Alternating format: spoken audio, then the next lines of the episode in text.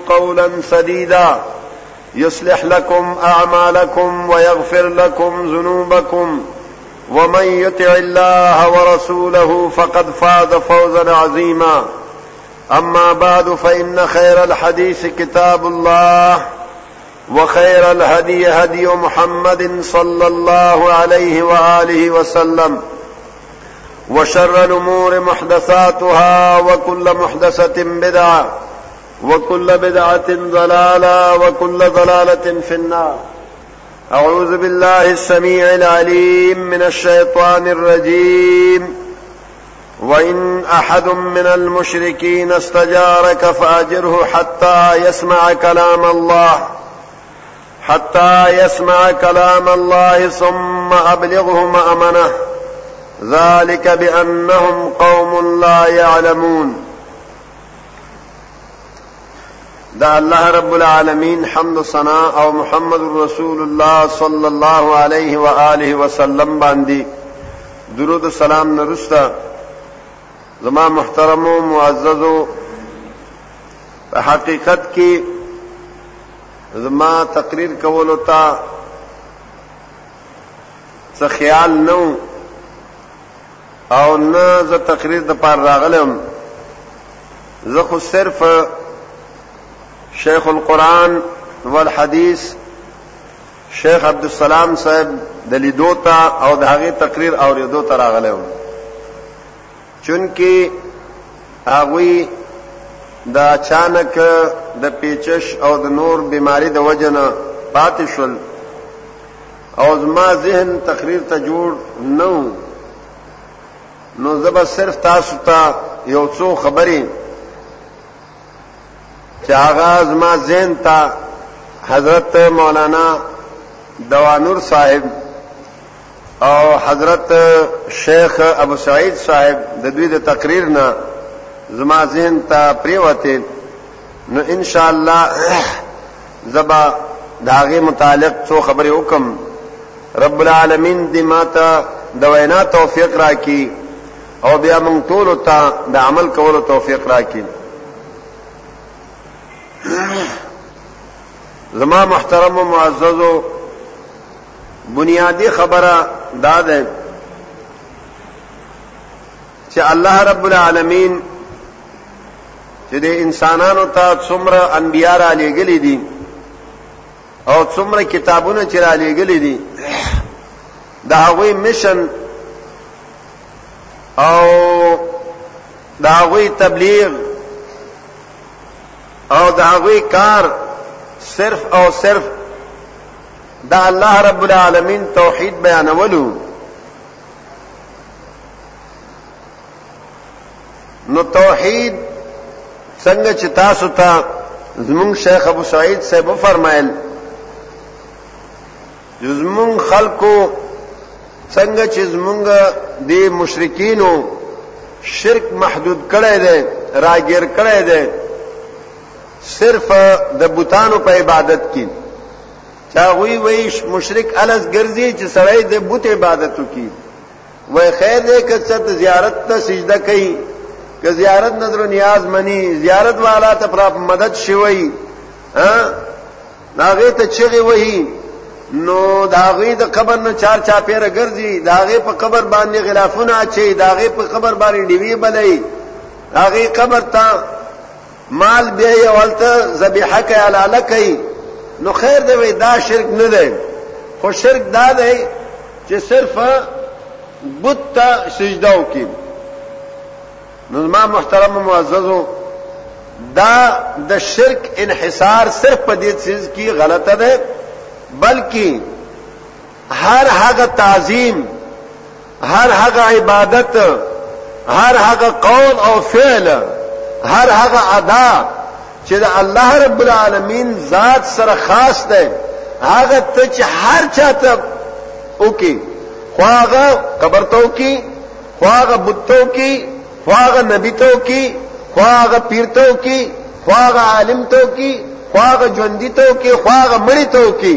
خواغه دیوال تو کی خواغه ونی تو کی خواغه چلی تو کی دا ټول شرک دی همدارنګ زمونږ باز ورونو توحید منحصر کړی دی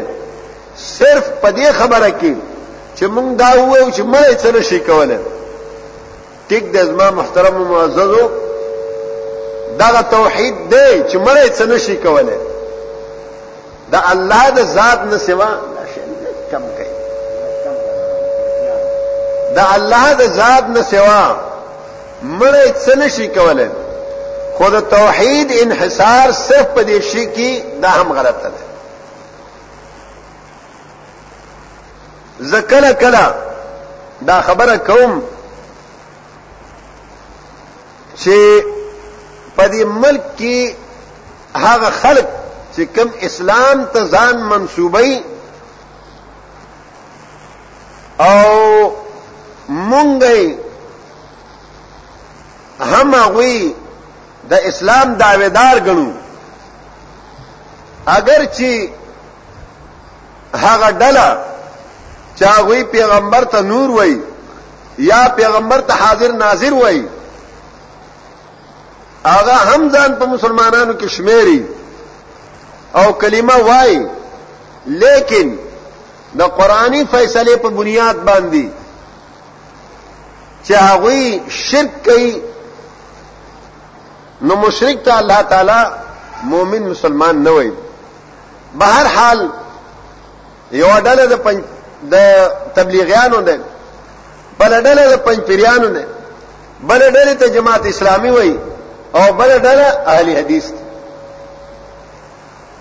توحید چې کوم علماء د هغه تقسیم کړی دی او دا تقسیم علما د ځان نه نه دی کړی د الله د کتاب د نصوصونه او د محمد رسول الله صلی الله علیه و آله وسلم د احادیث د نصوصونه دا خبره مستنبط کړی ده اگر چې په دې الفاظ سره چې توحید په درې قسمه ده دا قران او سنت کې نشته لیکن قران او حدیث کې چې کوم د توحید بیان ده د هغې نه دا معلومیږي چې دا توحید په درې قسمه ده او دلته ډلې څلور وی په پاکستان کې او توحید دریو جوړ شو دلته مصیبت نو هغه یو ډلې ویل خیر ده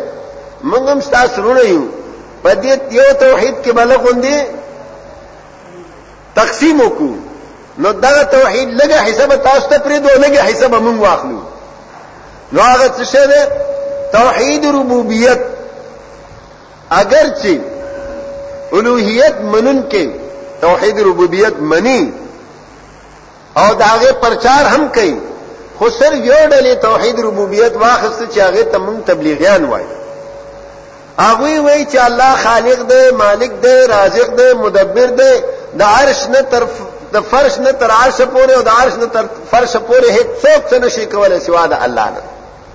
ټیک دی مونږ هم منو او هغه خلک هم مني چې کوم توحید الوهیت بیانوي مونږ ټول مسلمانان منو خدا غریبانانو صرف په دې باندې اکتفا وکړو او توحید الوهیت ته او توحید فلسما او صفات ته وړاندې نشو دوی مدله چې مونږ پنځپیران هونه دي هغوی توحید الوهیت واخست او توحید ربوبیت خو منی هغه را واخستو هغه کې چون کې جماعت اسلامي زمونږ ورونه هم شریکو دا توحید دو ټوکړې کړو یو ته توحید الوهیت ویلو بل ته توحید حاکمیت ویلو اگر چې دا حاکمیت او الوهیت یو هغه په میز نیم کړو پنځپیران ورونو وینو توحید حاکمیت کې به موږ در سره نه شاملېږو او د جماعت اسلامیانو ویل چې اولوهیت کې به موږ در سره نه شاملېږو دوی ک نشنلې وي ک پیپلې وي ک یې قانون په لحاظ سره سیاسي لحاظ سره چې هر یو سره وي خو د قبر مخالفت کوي هغه بس پنځپیرې دی او هغه د هغه ورور دی او هغه موحد دی ځکه چې توحید الوهیت مني او جماعت اسلامی ویلو که بریلې دی که علی حدیث دی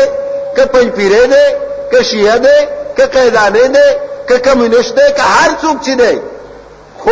دا وایي چې قانون صرف د الله په کار دی په ځمکه باندې په ځانونو باندې نه په نفسونو باندې نه په کور باندې نه په اولاد باندې نه په خزه باندې نه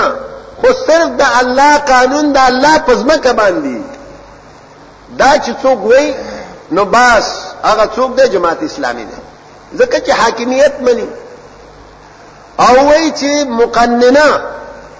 عدالتونه او تعلیمي ادارې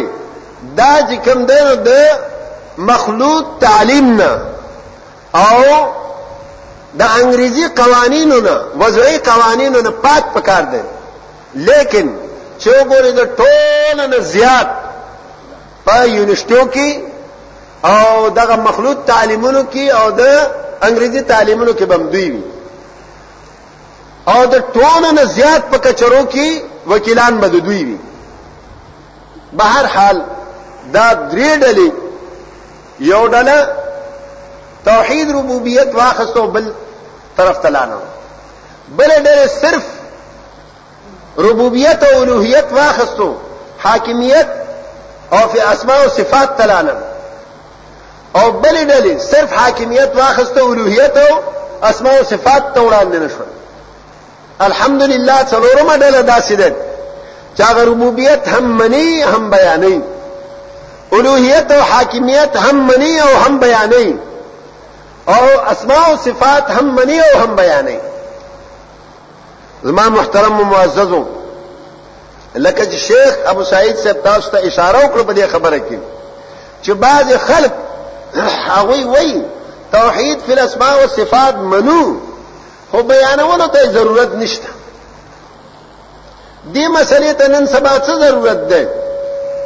حالان کې دلته رواجونه ډیر دي او بدعات ډیر دي که بل طرف ته له هغوی نه تپوس وکړي هغوی دا وایي چې هلکه دې اهل حدیثو فروعي مسایل راګیر کړي دي امین او د امین بالجهره او رفع الیدین او فاتحه خلف الامام او په سینې باندې لاس کې خودله او خپې جنګوله دغه شیونه راګیر کړي دي فروعي مسایل اصول چې توحید دغه ته پاتې شو الکه دا د مړی رواج یاد دې ختمونو رواج یاد دې واده رواج یاد اسقات رواج یاد دعا امین د دعا بعد سنت او بعد فرض دا رواج دا اصولي مسائل دي او کفروي مسائل کوي نو دام فروي مسائل دي زمونږ فریدین خو الحمدلله په هر کتاب کې چې د احادیثو کتاب وي او هغه کتاب خوا مرتب کړي چې هر چا وي اهل حدیث مرتب کړي وي کبریله مرتب کړي وي کدیوبندی مرتب کړي وي کپنځپيري مرتب کړي وي او که اهل حدیث مرتب کړي وي مؤلف او مرتب چې هر څوک وي هغه کې چې د مانزه بحث وینو در فلیدین بحث او د امین بالجهر بحث په سینه باندې لاس کې خودلو بحث په خپې او بل سره د ملاولو بحث فاتحه خلف الامام بحث دا به خامخا موجود وي لیکن په هیڅ حدیث کتاب کې دا به څوک راته ونه ښودلی شي چې هغې کې دعا به د سنت بحث وي یا دعا به د جنازه بحث وي یا د اسقاط بحث وي یا د مړی چې خیرات کول نه کول بحث وی نفیان او اثباتن الکه چې د یو خبري ذکر نشته هغه ته واغې نه اصول جوړ کړو پاغه باندې جنگونه دي پاغه باندې مناظری دي پاغه باندې جماعت پر خودل دي پاغه باندې د امامت نه وستل دي پاغه باندې د مدرسین وستل دي زما مقصد دا نه دی چې دا رسم رواج جایز دي دا رسم رواج ته زم مخ کې ناجایز وایم خو سر دومره خبره کوم چې تو ورته د یو شتا چې کوم قران او سنت یعنی د رسول الله صلی الله علیه وسلم د حدیثونو ثابت دی هغه ته فروعي جوړ کو او کوم شی چې د هغه باندې حدیث وارد نه دی قران آیات وارد نه دی یعنی نسن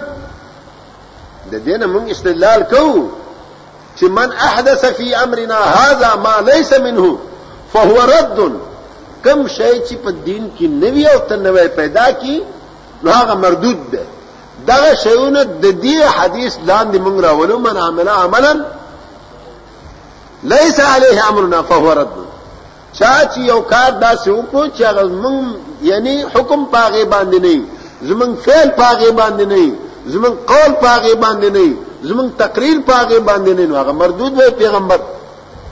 نو په دې د اصول لاندې د دې عموم لاندې دغه شیونه مونږ راولو او مونږ هغې ته بدعات وایو لیکن نسن دغه شیونه باندې قرآن او حدیث کلام نه دی کړی لکه چې نسن پر فریدین باندې کړی دی امین بالجهر باندې کړی دی فاتحه خلف الامام باندې کړی دی او پیخ پیسره ملاول باندې کړی دی لاس په سینه باندې خودور باندې کړی دی نور داسې امتیازي مسائل چې کوم د اهل حدیثو د هغوی باندې کړی دی به هر حال ما دا عرض کوم چې الحمدلله اهل حدیث توحید فی الاسماء والصفات بیانې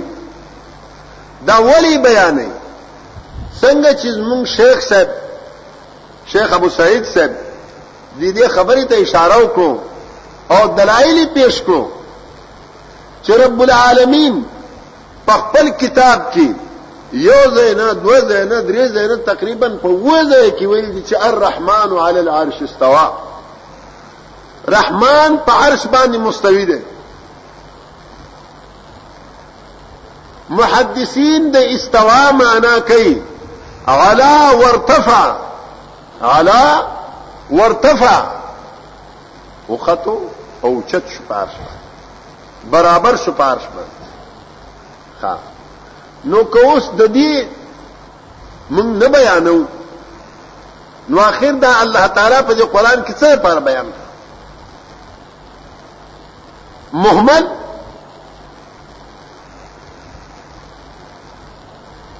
الله هم محمل کار نه کوي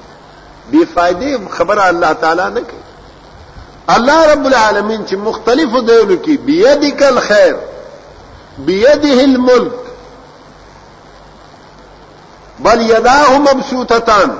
مختلف ځایونه کې الله تعالی د ید ثابت کړی دی آخر څه لپاره ثابت کړی غرض څه شو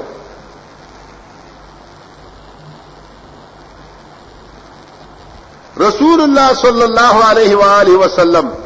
چې دا الله رب العالمین لاس ګوتې، رجل، قدم، ساق، نزول، صعود دا ثابت کړی دی آخر محمد رسول الله صلی الله علیه و آله وسلم چې عالم خلق الله بربه ده عالم خلق الله بربه په خپل رب باندې د ټول مخلوق نه زیات پوی رسول الله صلی الله علیه وسلم خپل فرمای انا اعلکم اعلمکم بالله واتقاکم زه تاسو نه په الله باندې زیات پویم او د الله نه زیات یریدونکم چې خپل فرمای چې انا اعلمکم بالله نو هغه ته د الله تعالی صفات نو معلوم اخر رسول الله صلی الله علیه و آله وسلم چې امتحان اخلي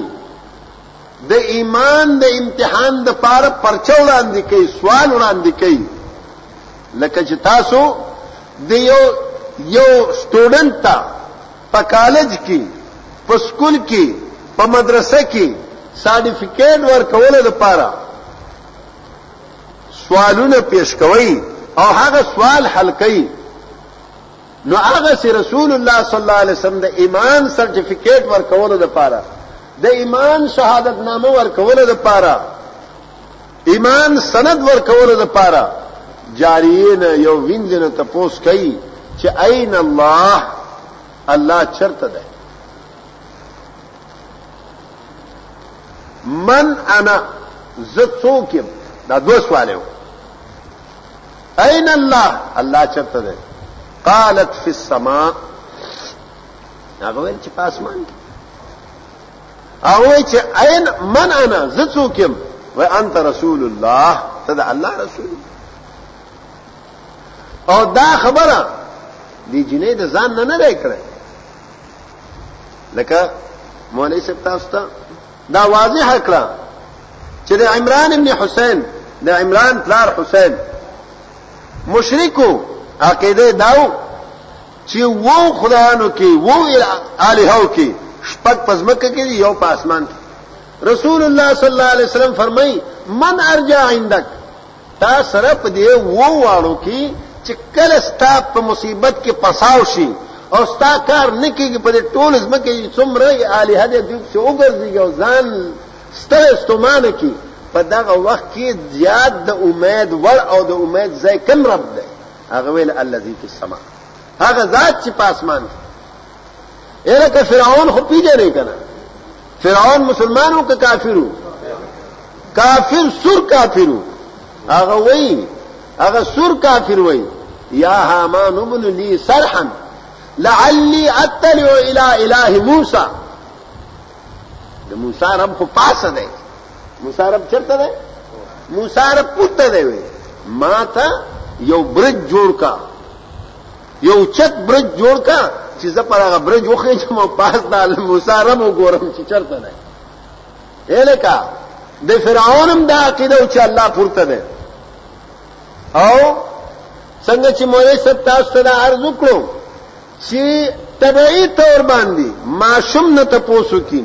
یو یو یو یو چرسی بنګي او غل پودری نه تپوسو کی نو هغه خبر او کی نو هغه وی الکه دا خبره کوم دروغ به وی خو الله گوا کې الله می پسر ولاړ دی د سی وایو کنه وای ولی وای چې هغه هم دا عقیده ده چې الله بره ده امام جوینی مشهور متکلم دی مشهور عالم دی هغه د مرګ په وخت کې وای کاش چې زما عقیده د کوفی د زړې خځې غوندې عقیده وای کاش زما عقیده د کوفی یو زړې خځې غوندې عقیده وای چې دا غي زړې خځې ته تاسو کې الله چرته دی هغه بره دی او موږ خو الله ورک دی وای ولی ورک دی هغه وی نه بر ده نه کت ده نه مخ کې ده نه رست ده نه خې طرف ته ده نه ګز طرف ته ده وای چرته ده متکلم فلسفي دا عقیده امام او امام جوینی دا عقیده امام ده وای مان الله ورک شوی ده کاش ما عقیده د کوفیه د یو ذری خځه غونډه عقیده وای او دې مولانو څه چلو کړو وای دې زړو خزو خو عقیده غ طبيعي عقیده ده چې الله بره مني راشه دې د پاره یو کتاب ولیکو رشید البیان ولیکو تاسو وینئ چې چرته رشید البیان هغه کی وای چې الله دې کوم نه نمبر ده نه لره ده نه مخ ده نه روسره نه خې طرف ته ده نه ګس طرف ته ده هم ده د شش جهته مبرا وای هم ده ده د شش جهته مبرا نو چې الله د شش جهته مبرا کړو اخر د دې آیات سمانا ایز موږ استادانو جمعې شپې کې خو موږ تبارک الله دی وایو کنه دا خو چې کوم نه د غاړه غاړه کې جوړ کړي لري څوک په دې باندې دا وای چاره کې جمعې په شپه باندې تبارک الله دی ویل بدعت ده او څوک وای چې جمعې په شپه باندې ویل سنت دي الکه دا دواړه خبرې غلط دي پجمه په شپه باندې تخصیص غلط ده او ویل سنت ده تخصیص غلط ده بدعت ده پیغمبر خدا صلی الله علیه و آله وسلم فرمایي چې هر شپه ود کېدو نو مخکي سوره ملک تبارک الله دی وای نو دا به پورز د قیامت کې تاسو د پاره شفیع او دې مليانو څه چلو کړو هغوی یو جمعې شپه خاص کړو چې رسول الله صلی الله علیه وسلم فرمایلو تاسو جمعې شپه په عبادت سره په مابین د نور شپو کې مخ خاص کوئ او جمعې ورځ په مابین د نور ورځو کې په روزه سره مخ خاص کوئ او دیو لګیدل تخصیص د جمعې شپې وکړو چې تبارک الله دې په جمعې شپه کې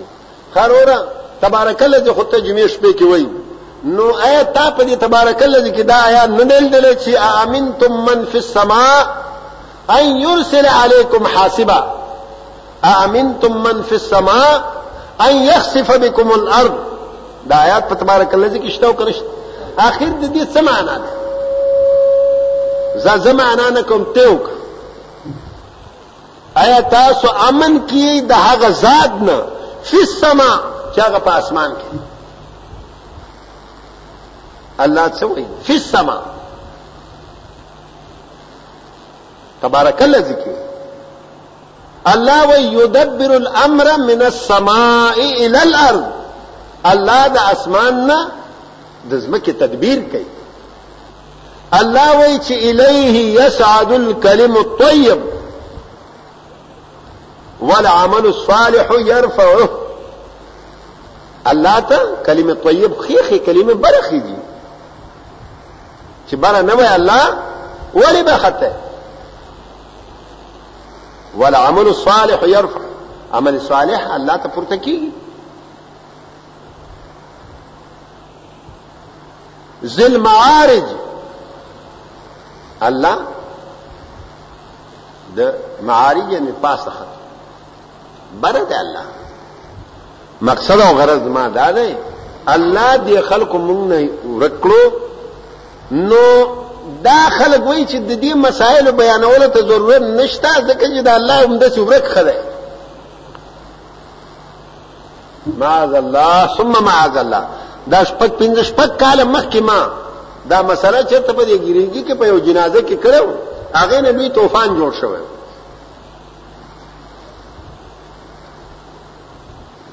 ما محترم معززو الله رب العالمین شته دی الله موجود دی الله بر دی ویلکه کبر او منو فی ظرفیت د پار راضی فی سما دا ظرفیت د پار راضی نو دا اسمان به د الله د پاره چې شي ظرف شي اینا دا هم د مکان د پاره راځي نو اینا سره سوال چې کیږي نو د مکان نه کیږي نو الله د پاره به مکان ثابت شي الکه دا خبرې دې پرېږده ایمان راوړه په دې باندې چې پیغمبر عین الله ویل دي زما ایمان دې په هغې باندې په دې مکان او غیر مکان باندې پیغمبر په ښه پوهېدو په دې ظرفیت او غیر ظرفیت باندې پیغمبر په ښه پوهېدو الله په خپله ښه پوهېدو چې هغه وویل فی سما ستا بیا څه کار دی چې ظرفیت ده او مرفیت دی الله په دې ظرفیت نه پوهېده چې فی سما یې ویلو پیغمبر په دې مکانیت باندې نه پوهېده چې عین الله ویلو ها کته دا وی چې د الله نه او د رسول نه زه خپوېږم هغه ځان له خبره داوا وکړه چې د الله نه زه خپوېږم او د رسول نه زه خپوېږم زما محترم او معزز کدا مسله دومره اهم نه وای کدا د الله تعالی د اسماء او صفات توحید مسله اهم نه وای ټول محدثینو په دې کتاب التوحید توحید باندې کتابونه لیکلي امام بخاری رحمت الله علیه کتاب التوحید مستقل کتاب په خپل بخاری کې الرد علی الجهمیه مستقل کتاب په بخاری کې دا امام ذهبي کتاب العلو په یو مستقل کتاب لیکلی دی امام بيهقي رحمت الله عليه اسماء صفات باندې مستقل کتاب لیکلی دی امام ابن حبان په دې باندې مستقل کتاب لیکلی دی او زمونږ لالاګان او استادان څه وایي تفقه فی الدین وای دا مروجه فقه کن قدری او مستخلص او هدایت ده حالانکه نزول د وحی په وخت کې نزول د وحی په وخت کې دا کتابونه چرته نه خپل زمون د فقها لیکي د ټول د مخ کې چې کم کتاب لیکل شوی د قدری لیکل شوی د شپږم صدې کې شپږمه صدای کې او قران چې نازلو لا هغه وخت کې اوله صدای و نو هغه وخت کې ليتفقهوا فی الدین ویلو رسول الله صلی الله علیه و آله وسلم عبد الله ابن عباس لري دعا کوي چې اللهم فقهه فی الدین اے الله په دین پوي کې نو دا مروج فقه هغه وخت کې نه د فقه فقه فقاهت فی الدین پوهه په دین کې دا نه چې کنز قدری باندې پوي کې دا سینه ویلې دا سی ویلو چې الله په دین باندې پوي کې په مسله پوي کې کنه نو امام ابو حنیفه رحمت الله علیه فقه اکبر دا کتاب څه نوم دی فقه اکبر لوی فقه لوی فقه څه ته ویل د عقیده ته ویل لویه فقه عقیدې ته د هغې شروح مختلفو خلکو کړی دی ابوالمنتهي هم د هغې شرح کړی دی ملا علي قاري هم کړی دی نور هم کسانو کړي دي تقریبا زما په خیال چې درې څلور شرح خو ما سره دي زه تعجب کوم چې په دې ملک کې څومره چې مدارس دي د علماو نه زه تپوس کوم چې آیا کم یو مدرسه کې عقیدی په کتابونو کې فقه اکبر داخل دی د درسي کتابونو کې هیڅ مدرسه کې درسي تور باندې فقه اکبر نه لوستل کیږي نه د فقه اکبر شرح لوستل کیږي چې لوستل کیږي کوم یو کتاب لوستل کیږي شرح عقائد النسفی عقائد النصفی دا د مدارک والا تفسیر مدارک ده دا چې چا جوړ کړی دی هغه دا عقاید نصفیم جوړ کړی نو دا کتاب لسته کیږي نو دا امام نصفی څوک معتزلی څوک معتزلی نو زه ما چې د معتزلی کتاب مدرس دی زمونږ په مدارسو کې او د امام ابو حنیفه رحمت الله علیه چاته چې مونږ نسبت د مذهب کو دا غي کتاب ولې نشته دا غي کتاب ولې نشته ځکه نشته چې امام ابو حنیفه رحمت الله علیه دا فرمایي چې د الله تعالی استوا علی العرش تاویل کول په استیلا باندی تاویل کول په استیلا باندی استیلا څه معنی غلبه استیلا څه معنی غلبه دوی څه معنی کوي ثم استوى على العرش بیا الله تعالی غلبه حاصل کو پارش باندې څه مطلب چې الله تعالی بادشاہي دې کړ دا عرش او دا تخت بل چا نیولیو نو الله بیا په غلبه حاصل کو پاغه باندې معاذ الله ثم معاذ الله موږ داسې یو کنه الکه صدر اسحاق اسمبلی ما ته کړو او بیا هغه بحال کړو چا ججانو عدلیه بحال کړو نو څه چلو شو بیا غلبه حاصل کړو په اسمبلی باندې چا نواز شریف دا غنه هټاو شو کنه معذور شو ته چې د استوا معنا استیلا کوي نو د دې خدا معنا شو چې ستا عقیده دا ده چې الله تعالی په دې عرش باندې مخکې غالب نه و کنه بیا چې چلو کړو پاغه باندې غلبه حاصل نه د الله تعالی عرش مخلوق دی الله تعالی عرش څه شی دی مخلوق دی چې الله کله د عرش جوړ کړو پیدا کړو نو پاغه باندې استوا وکړو ها دا وایي چې امام ابو حنیفه رحمت الله څوی دا د معنا د استوا په اصطلاح باندې کول دا غلط دی او نصفی والا څوی د استوا معنا استیلا ده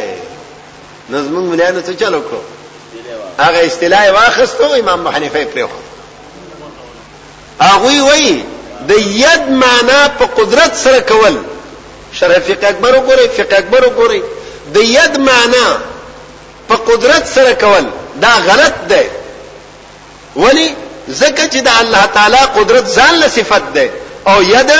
ځان له صفت ده لہذا تا چې د ید صفت قدرت واخستو نو د الله تعالی یو صفت دی ختم کړو تعطیل دی یو صفت دی راوستو ته د معطلو نشو او نصفی والا څه ویلو دغه سی وای کنه چې ید معنا څه شری قدرت ده او بیا هغه ځای کې وای بل یداه مبسوطتان بل یداه مبسوطتان چې دا الله تعالی دواړه لاسونه فراخ دي نو بیا ته چکر ول راشي چې الکه اوس معنا دا الله وای دوه قدرتونه فراخ دي الکه الله دوه قدرتونه دا انحصار په دوو کې د الله قدرت چاو الله قدرت ان الله على كل شيء قدير الله تعالی په هر څه باندې قادر دی او اشیاء په دوو کې نه دي منحصر چې موږ وایو چې دا الله یو قدرت په دې باندې او بل قدرت په دې باندې نه الله په هر څه باندې قادر دی، د الله یو قدرت په هر څه باندې حاوي دی، د الله یو قدرت په هر څه باندې حاوي دی، د الله تعالی د قدرت نه هیڅ شی بهر ته نه دی، لکه چې د الله یو علم دی او هر څه باندې محیط دی، وان الله قد احاط بكل شیء علما. زما مقصد او غرض دا دی چې کچرته دا مسله اهم نه وي د بیان ور نه وي دومره محدثینو دا کتابونه په دې مسلې باندې ولې لیکلو خاص کر امام ابو حنیفه رحمت الله علیه دا فقه اکبر ولې لیکلو او زه دې خبره ته تعجب کوم چې زمونږ دا کم خلک چې مونږ صرف په دې باندې کافر کوي چې مونږ د چا تقلید نکو قران او سنت باندې عمل کو او دوی و امام ابو حنیفه نه مني الکه مونږ امام ابو حنیفه منو امام ابو حنیفه رحمت الله علیه زمون امام دی زکه چاغه پوخ اهل حدیثو پوخ اهل حدیثو او که تاسو یقین نکیږي د در مختار رد المحتار شامی چې ورته وي د هغه باندې یو حاشیه دی سید احمد تحتاوی سید احمد تحتاوی حاشیه په مراقب الفلاح باندې هم دی او په رد المحتار باندې هم دی هغه د اول جلد په کم حاشیه چې د هغه په رد المحتار شامی باندې دی دا هغه اول جلد 500 صفحه کې وایي چي اووه طبقې د فقهاوو ذکر کوي، د فقهاوو طبقات ذکر کوي، هغوی يې تقسيم کړي دي فقهاء په اووه طبقاتو سره، وايي طبقه اولی د فقهاوو څه شی دی؟ هغه مجتهدين وو، کانو کلهم غير مقلدين، دا ټول څه شی وو؟ دا غير مقلدين وو، طبقه اولا فقها څه شو غیر مقلدین کل ائمه الاربعه کل ائمه الاربعه لکه څلور واړه امامان شو څلور واړه امامانو کې امام ابو حنیفه رحمت الله علیه راغی او امام ابو حنیفه رحمت الله علیه څوک غیر مقلد څوک اهل حدیث نو موږ هم غیر مقلد یو موږ ته تاسو غیر مقلد وایو کنه وایو اگر که موږ ځان ته غیر مقلد نه وایو موږ ځان ته اهل حدیث وایو خو تاسو راته غیر مقلد وای ځا امام ابو حنیفه هم غیر مقلد وو موږ هم غیر مقلد وو تاسو په شهادت باندې چې سید احمد طحطاوی دا خبره کوي همدغه شامی کې دا خبره ده چې اذا صح الحديث فهو مذهبي امام ابو حنیفه رحمت الله علیه فرمایلی دی چې کله حدیث صحیح شین مکه زما مذهب ده او الله رب العالمین دې غریق رحمت کې زموږ استاد مولانا عبدالله جان صاحب د دغه تاکال هغه ویل هلکه د ټولو نه غټ حنفي زه یم ولی حنفي چاته وي چې د امام ابو حنیفه رحمت الله علیه خبره مني زه د امام ابو حنیفه رحمت الله علیه خبره منم چې هغه به فرمایلو چې اذا صح الحديث فهو مذهبي کله چې تاسو صحیح حدیث ملاو شي مکه صحیح حدیث زما مذهب دی ها مونږ چې کوم عمل کوو الحمدلله پاغي باندې مونږ سره صحیح احادیث موجود دي مونږ سره صحیح احادیث موجود دي اگر چې بعد خلک دا وایي چې لکه د فاتحه خلف الامام د پاره محادیث ته دي نه وینا د پاره محادیث ته دي لیکن ز على وجه البصيره وما على وجه البصيره على وجه البصيره د الله کتاب زما په مخ کې دی مانځه نه وروسته ناست یم په خپل هغه مسله مسله باندې چې په دنیا کې ټوله دنیا علما را غون شي یو حدیث به داسې پیدا نه کی چې محمد رسول الله صلی الله علیه و آله وسلم دا ویلي چې امام پسې فاتحه ملولې امام پسې فاتحه مه لولئ، داسې یو حدیث په مخ د ځمکه باندې په دواوینو د کتب کې څوک نه شي پیدا کولی او دا زه چیلنج کوم نن که څوک داسې پیدا کړي څوک نه شي پیدا کولی ها چې څوک استدلال کوي یا به وایي دا قرآن قرآن فاستمعوا له نه به کوي یا به وایي دا قرأ فانصتوا نه به کوي یا به من کان له امام فقراءة الامام له قراءة نه به کوي خو موږ دا ټول منو چې اول خو په دغه دلایلو باندې ستاسو دا مقصد نه حل کیږي ولی ځکه داوا خاص دی داوا څه شه دی خاص دی زمونږ سره دلیل خاص دی داوا څه شه دی خاص دی چې امام پسې د مقتدی فاتحه لستل دا داوا دی کنه چه امام پسې بغیر د فاتحې لوستو نه د مقتدي لمونځ نه کیږي دا خاصه دعوه ده او د دې لپاره خاص دلیل دی چې رسول الله صلی الله علیه و آله وسلم فرمایي چې ذکر جهرن منذ کوم باغ وقت تاسو هیڅ منو نه سوا د فاتحه نه فانه لا صلاه الا بها من لم يقرا بفاتحه الكتاب داد په دې باندې استدلال نکو د خاص مسلې لپاره غو عام ده عام دی هغه د پاره عام دلیل جوړېدای شي چې چا ونلو سره مونږ نه کیږي لیکن مونږ یو چې خاص دعوه ده او خاص دلیل دی ورته ښا او زمونږ مخالفینو دعوه خاص ده او دلیل عام ده دعوه خاص ده او دلیل عام ده دعوه خاص څه ده چی مقتدی به امام پسی فاتحه نلولی مقتدی به امام پسی فاتحه نلولی یو داوا دیمه داوی دا دی که مقتدی امام پسی فاتحه ونلستلو نو منځي کیږي منځي کیږي لیکن د دې دوو خاص دعوو د پاره خاص دلیل ورسره نشته عام دلائل پیش کوي مونږ هم وایو چې هلکه کله چې امام قرائت وایي فاتحه نه علاوه نو تاسو قرائت مکوي چې جهرن قرائت وایي نو تاسو قرائت مکوي رسول الله صلی الله علیه وسلم فاتحه په قران کې داخل کړ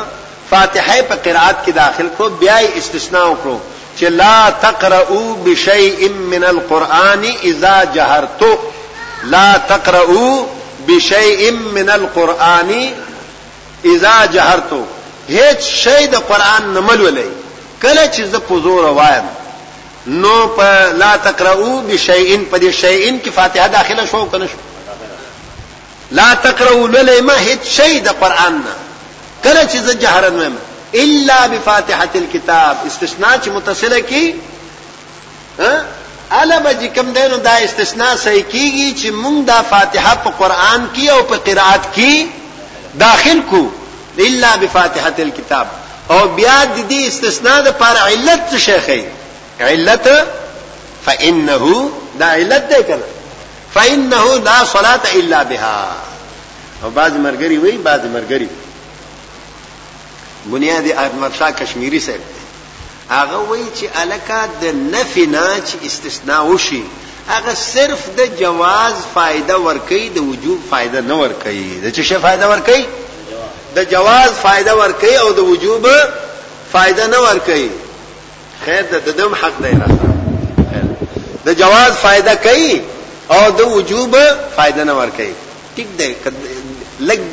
15 منټه د پاره تاسو دا خبر هم منم الکه چې جواز فائدہ ور کوي کنه ته خوې چې امام د مقتدی د پاره امام صفاتحه ویل جایز نه دی کنه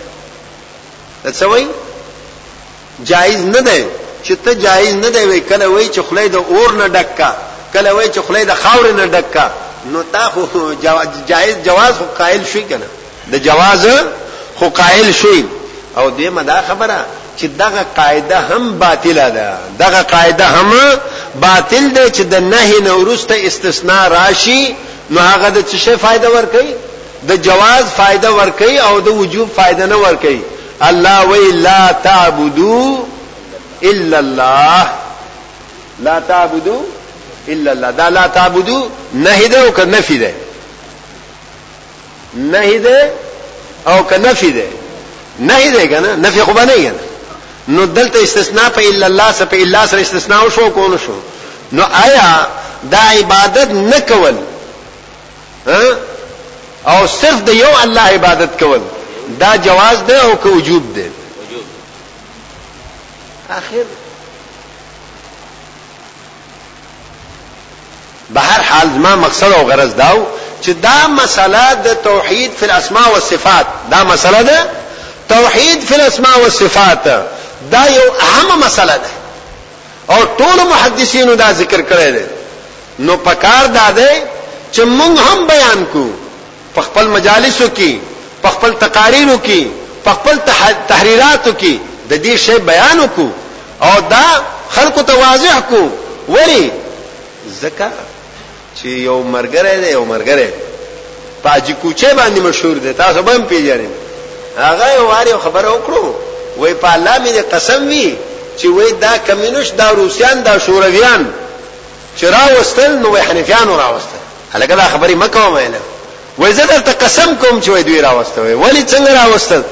دوی وای الله را نه خطا کړو ما وران نهر والا مولانو الله را نه خطا کړو نه بره ده نه لره ده نه مخکې ده نه روسته ده نه خطر ته ده نه ګس طرف ته ده الله را نه ورک کړو هغه ویلو چې الله خو نشته ده راشه چې ورپسې چې کوم هغه پیغمبر چې هغه لګل ده هغه نه منکر شو او کوم دین چې را لېږلی دی د هغې نه هم منکر شو او کوم کتاب یې چې را لېږلی دی د هغې نه هم منکر شو ځکه چې چا وجود نه وي د یو ذات وجود نشته نو د هغې کتاب به د کوم ځای نه د هغې رسول به د کوم ځای نه د هغې پیغمبر به د کوم ځای نه د هغې دین به د کوم ځای نه لهذا د هر څه نه منکر شي زما محترم معززو دا خبره څه بعیده نه ده چې هغه کړی دی زما مقصد او غرض دا دی مسلمان د پاره دا پکار دی چې موږ خپل رب پیژنو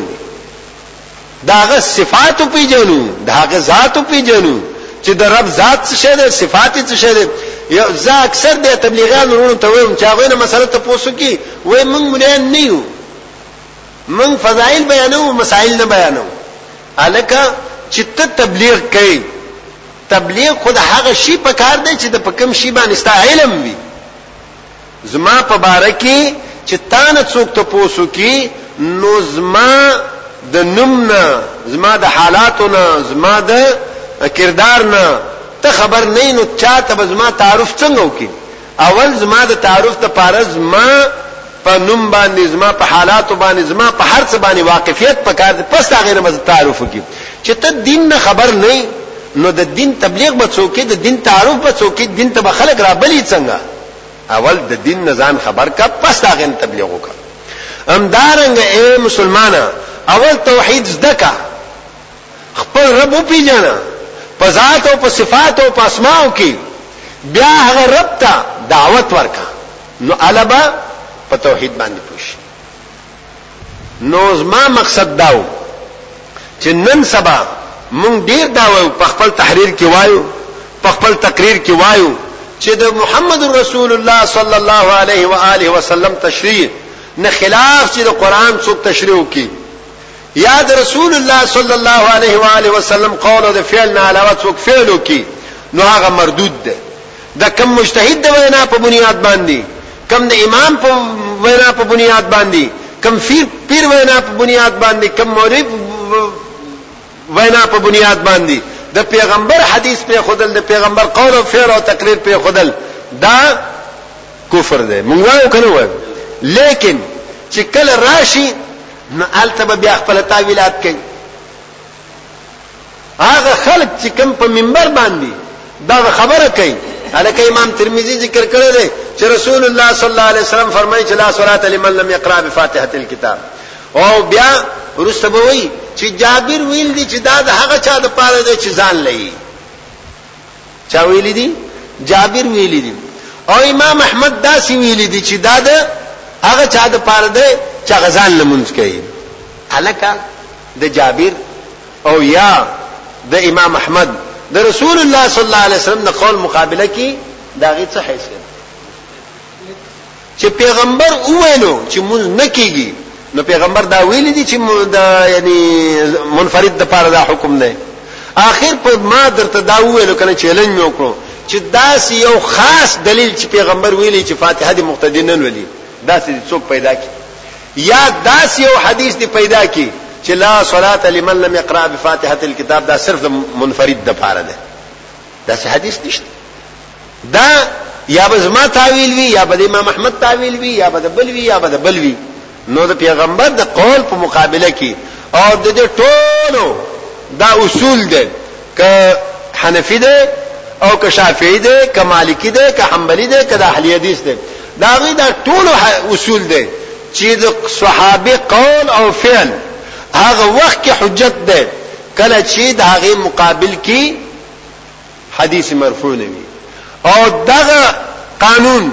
دغه اصول علامه عبدالحی لکنوی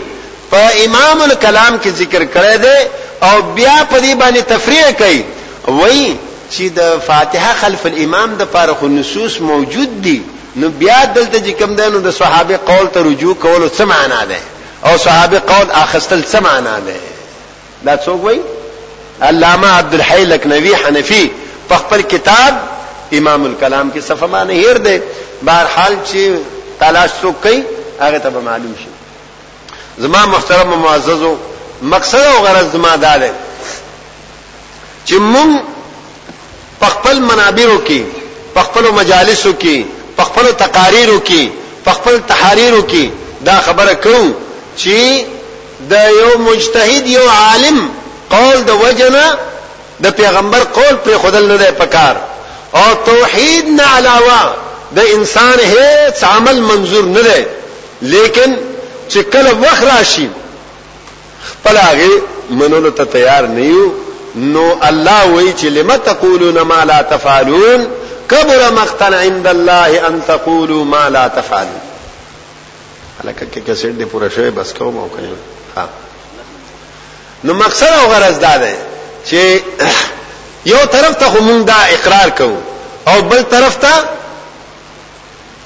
بیا کله چې د عمل وخت راشي عمل په وخت کې بیا کله لکه چې زمون شیخ صاحب او فرمایل چې لکه دا مسلې خودي خو یې دلته مونږ کله بیان کړی نه دي دا زمون مرګري په دې باندې خپکیږي او زمون مرګرو کې په دې کې پوټ راځي لہذا بس د دې د خوشالهونه د پاره دا دواړه وړاندې کا چې دا مسلم پکشته دي دا مسلم پکشته دي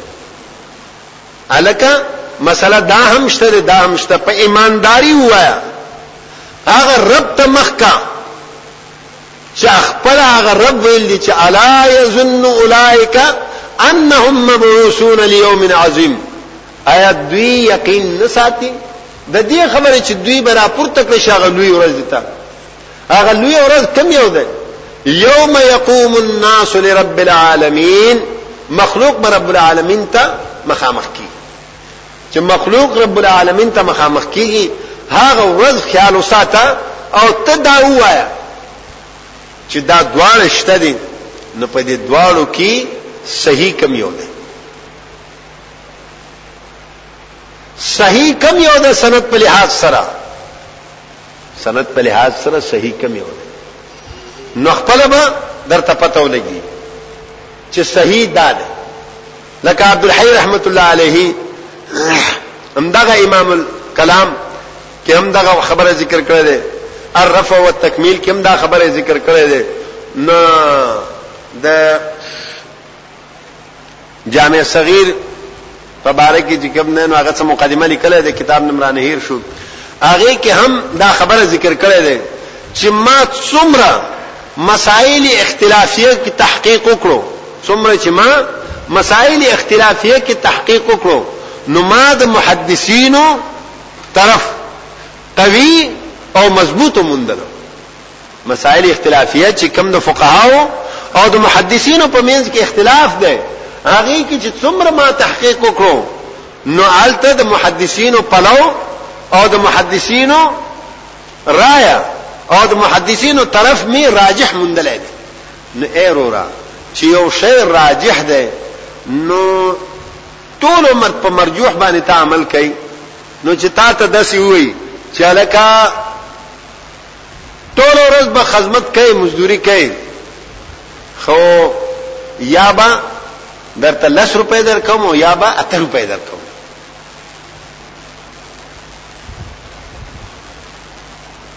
او ته چې کوم یو پسندې نو هغه بدله درکوم خو په د باندې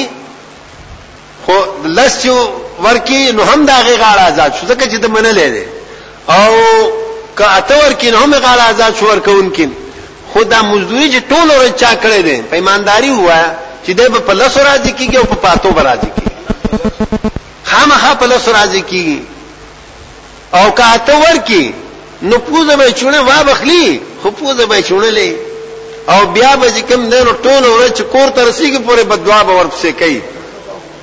خپه خو به خود وی صرف خپه نه بدوا به ورپسې کوي نه مسلمانه چې ته خپل وای چې دا راجح ده او دا صحیح ده دواړه شته ده خو په صحیح باندې ولی عمل نه کوي تا باندې کوم سرناخ پېښې دی چې همیش په هغه ناقص منځ باندې تعامل کوي الکه وای دا فاتحه خو چې ونللی منځ خو کیږي خو ناقص دی ځکه چې دا الله نفي د کمال لپاره ده ټیک دی زب 15 منټه تاسو سره ومنم دا خبره چې دا د نفي د کمال لپاره شو مسلمان چې د نفي د کمال لپاره ده نو پتا باندې کوم سنداخ په خدای چې همیش ټول عمر ناقص منځ کوي ټول عمر ناقص مونږ کې خو کله خو پوره مونږ وکړه کنه امام سے فاتحه وای مونږ به پوره شي او ټول عمر ناقص مونږ کې ټول عمر ناقص مونږ کې دا څه سړیتوب دی او دا څه عقل مندي دی چې ټول عمر ناقص مونږ کې چې مونږ د کېږي او ناقص د کېږي زمام در سره ومنل چې مونږ د کېږي دوه منټه د پاره کني ما پرې باندې مونږ نه کېږي ځکه چې پیغمبر ویل دي چې نه مونږ ها نو اصل په نفي کې څه شی دی کمال نه دی د بنیاد نه نشتواله دی نفي د جنس دی په پوښي نفي د کمال خدا بیا ورسره خبره ده چې کله نفي جنس نشي اخسته اصلي معنی نشي اخسته نو بیا به نور معناګانې اخلو موږ نو مزما په نسبت باندې خو بالکل دا جنس دا اصل د منځ باطل دی خو زستا پستا خبره مې ومنل چې د نفي د کمال د پاره چې په ټول عمر ته په څه شی باندې عمل کوي په ناقص څه باندې عمل کوي نو په کامل باندې ولې نه کوي خیر هغه جنازه خو دوی دغه نه غني کنه مونږ نه غني حالان کې صلات وی او عام پرواز کوم مونږ څه شو مونږ د جنازې جنازې مانځله تلو ما پاغه باندې موږ د جنازه مو کړو چې مونږ شو خدام پاغه کې داخل شو لا صلات الا بفاتحه الكتاب کې بهر حال زما محترم او معزز ورونو زدا عرض کوم چې صرف وینا نه ده پکار ژوند عملی پکار ده او زمون فلاح په څه باندې ده په عمل باندې ده الله پاک هم منتدا وی وتلک الجنه التي اورستموها بما كنتم تعملون کم جنت چې تاسو ته ملاويږي په ورثه کې درکول کیږي دا په سبب دا غسر چې تاسو عمل حدیث کې راځي چې لا اله الا الله مفتاح د جنت ده بشک لا اله الا الله مفتاح د جنت ده چا ورته ویلو چې آیا د مفتاح د پاره د چابي د پاره داسې چابیم چرته شته چې د هغه دندانې نه وي د هغې دندانې نه وي نو که هر څه یا به پیچ وي پکې یا به چې کوم دی نو دندانې وي او نن سبا به وایي چې هلکه د مقناطیس والا خو راوتلی دی چې هغې کې دندانې نشته دی خو دا مقناطیس پکې دندانه دی دا مقناطیس څه شی دی دا دندانه دی چې مقناطیس پکې دی نو هغه شی لرې شي که دا مقناطیس په دغه شي کې په دې چابي کې نه وی نو بیا هم کار نه کوي مطلب دا دی چې اعمال وکړئ پس د هغې نه به انشاءالله الله رب العالمین په تاسو باندې رحم وکړي ځکه چې رسول الله صلی الله علیه وسلم فرمایي چې هیڅوک به جنت ته بغیر د رحمت د الله نه نشي ننوتی صحابه وارزو کوي چې ولا انت یا رسول الله ستانه تم نشیتله رسول الله صلی الله علیه وسلم فرمایي چې ولا انا الا یتغمدنی الله برحمته زم پخپل عمل نشم تله مگر چې الله رب العالمین پخپل رحمت ما پټ کی خو ما محترم معززو د رحمت د پارم اسباب دي د رحمت د پاره شوی اسباب دي کته اسباب نه لټي عمل نه کوي ټول عمر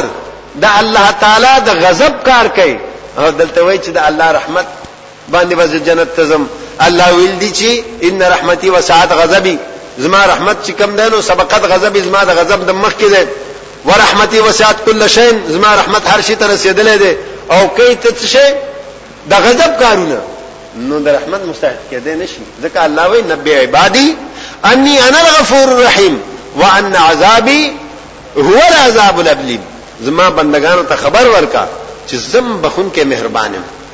زما رحمت فراخ دی زما رحمت زما له غضب نه وړاندې کیږي خدا مرته وای چې وان عذاب هو العذاب الالم زما عذاب چې کم دنم د قدر ناک عذاب دی کزما سر پر رحمت باندې په امید د امید د رحمت وساتي او د کار نه د غضب کوي نو د رحمت امید مستحق کېدې نشي ها ایمان